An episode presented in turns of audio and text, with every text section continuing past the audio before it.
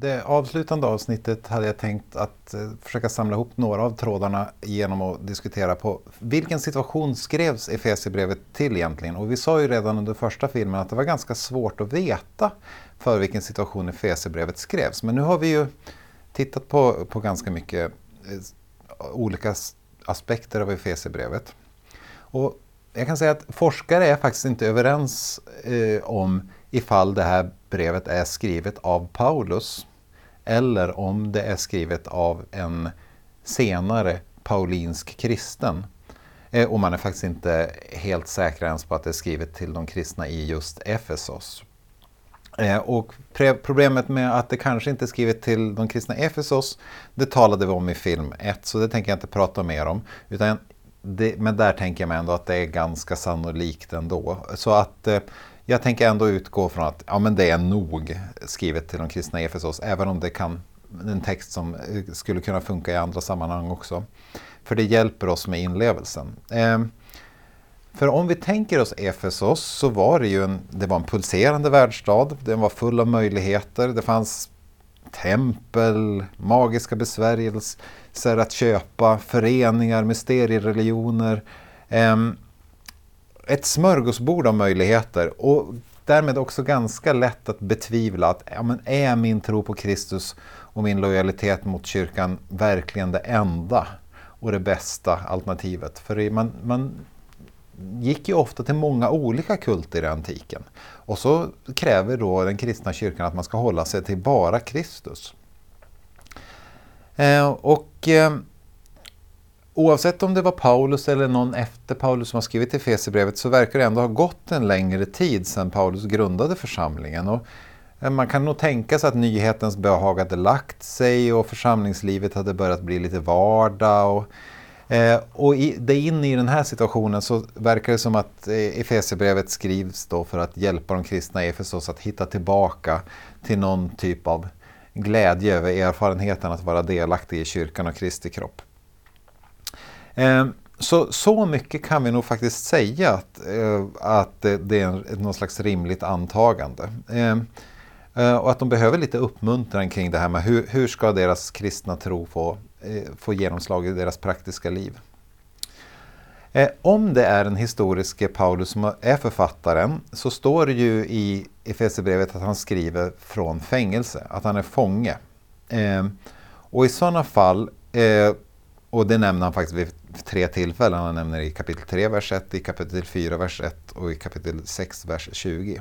Så om det är en Paulus som har skrivit det här brevet så, så är det troligen under den sista fångenskapen i Rom som han skriver det här brevet och då borde brevet vara skrivet runt år 62. Men om det är skrivet av en senare generation av paulinsk kristna, eh, paulinska kristna, då då brukar de flesta forskare gissa på att det nog är skrivet runt 80-90-talet någon gång. Eh, det är väldigt svårt att säga eftersom brevet innehåller så få konkreta ledtrådar. Men i alla fall, de viktigaste argumenten för att brevet är skrivet av Paulus är ju såklart, det står i brevet att Paulus är avsändare. Det är det mest uppenbara argumentet.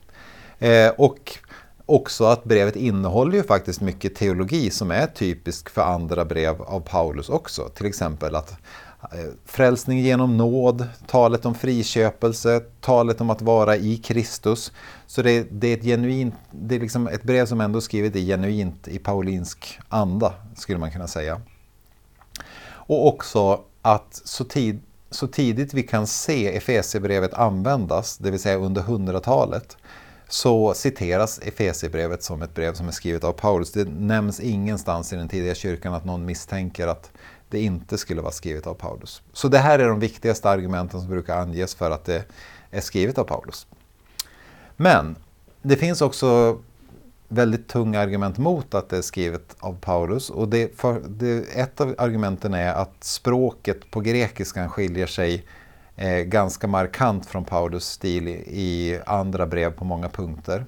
Det pratade jag lite grann om stilen i första brevet, att det är mycket flera lite vaga konstruktioner och, och, eh, och så. Och eftersom Jag gissar att ni inte kan grekiska, de flesta som lyssnar på det här, så ska jag inte fördjupa mig i det. Men den som kan grekiska kan läsa mer om detta i olika kommentarer som finns till Efesierbrevet. Men det som kanske är lite lättare att begripa det är att man kan ändå se vissa teologiska förskjutningar i Efesierbrevet i jämförelse med de brev som alla är överens om att de är skrivna av Paulus. Ehm, ett sådant exempel är ju då att i Romarbrevet 6 så talar Paulus om dopet, att man har dött med Kristus men ska uppstå med Kristus i, i, i framtiden. Men i Efesierbrevet 2, verserna 4 och framåt, så är frälsningen, att man har uppstått och sitter på tronen bredvid Kristus, någonting som redan har skett. Ehm, en annan sån där sak som många har konstaterat är att i första Korinthierbrevet 7 där ser Paulus en ganska tydlig motsättning mellan att vara kristen och att vara gift. Speciellt att vara gift med någon som, eh, som inte är kristen. Men i Efesierbrevet så tycks de bara anta att vadå, det är väl hela familjen som är kristna. Eh, man, kvinna, slavar, eh, herrar, barn, föräldrar, alla är kristna. Så därför kan vi prata om den kristna familjen som en, som en helhet.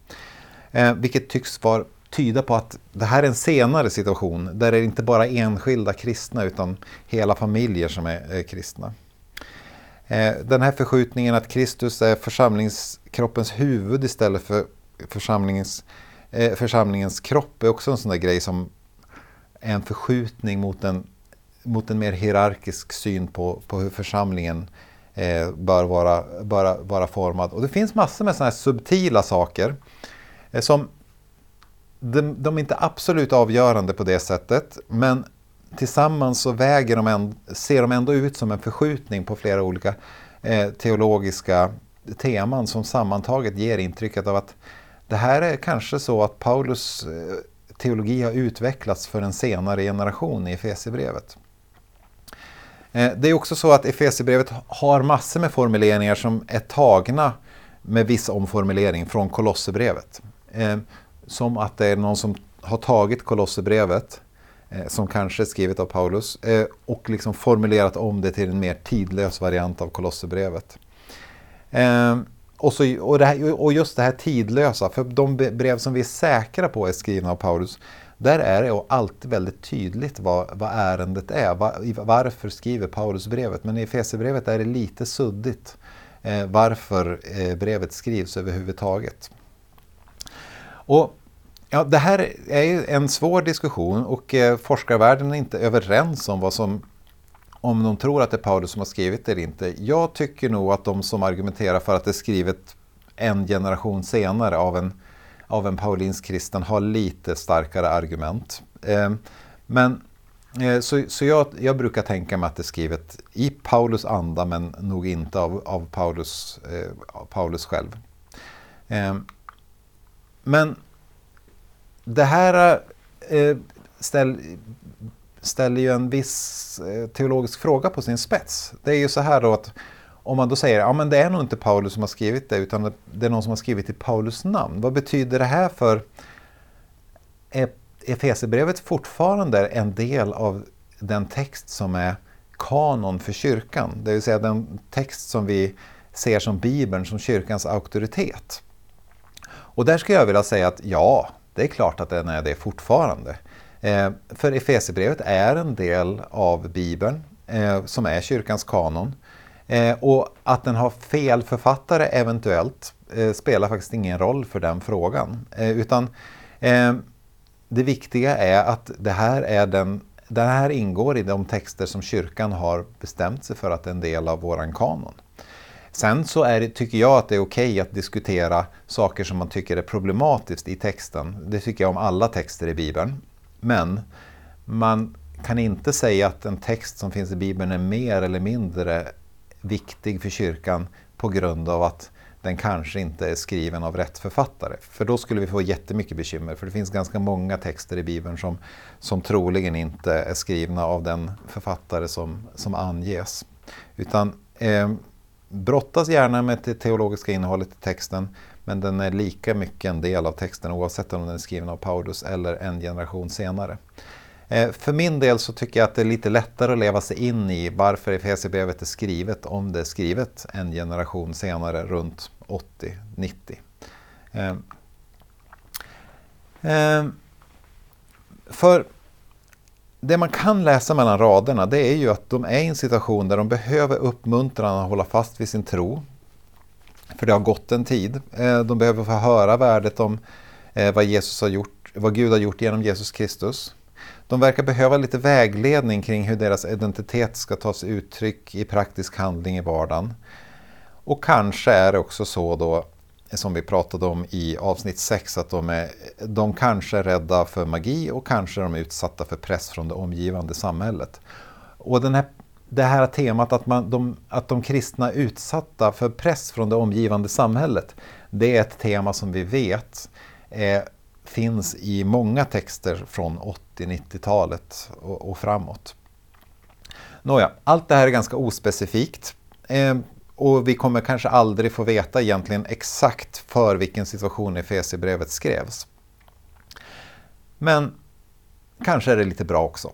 För det är ju kanske just därför att brevet är lite allmänt och inte så specifikt som det har blivit så tidlöst populärt av kristna läsare.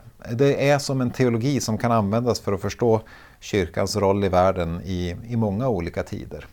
Eh, och det är väl Efesierbrevets eh, bidrag till vår självförståelse som kristna.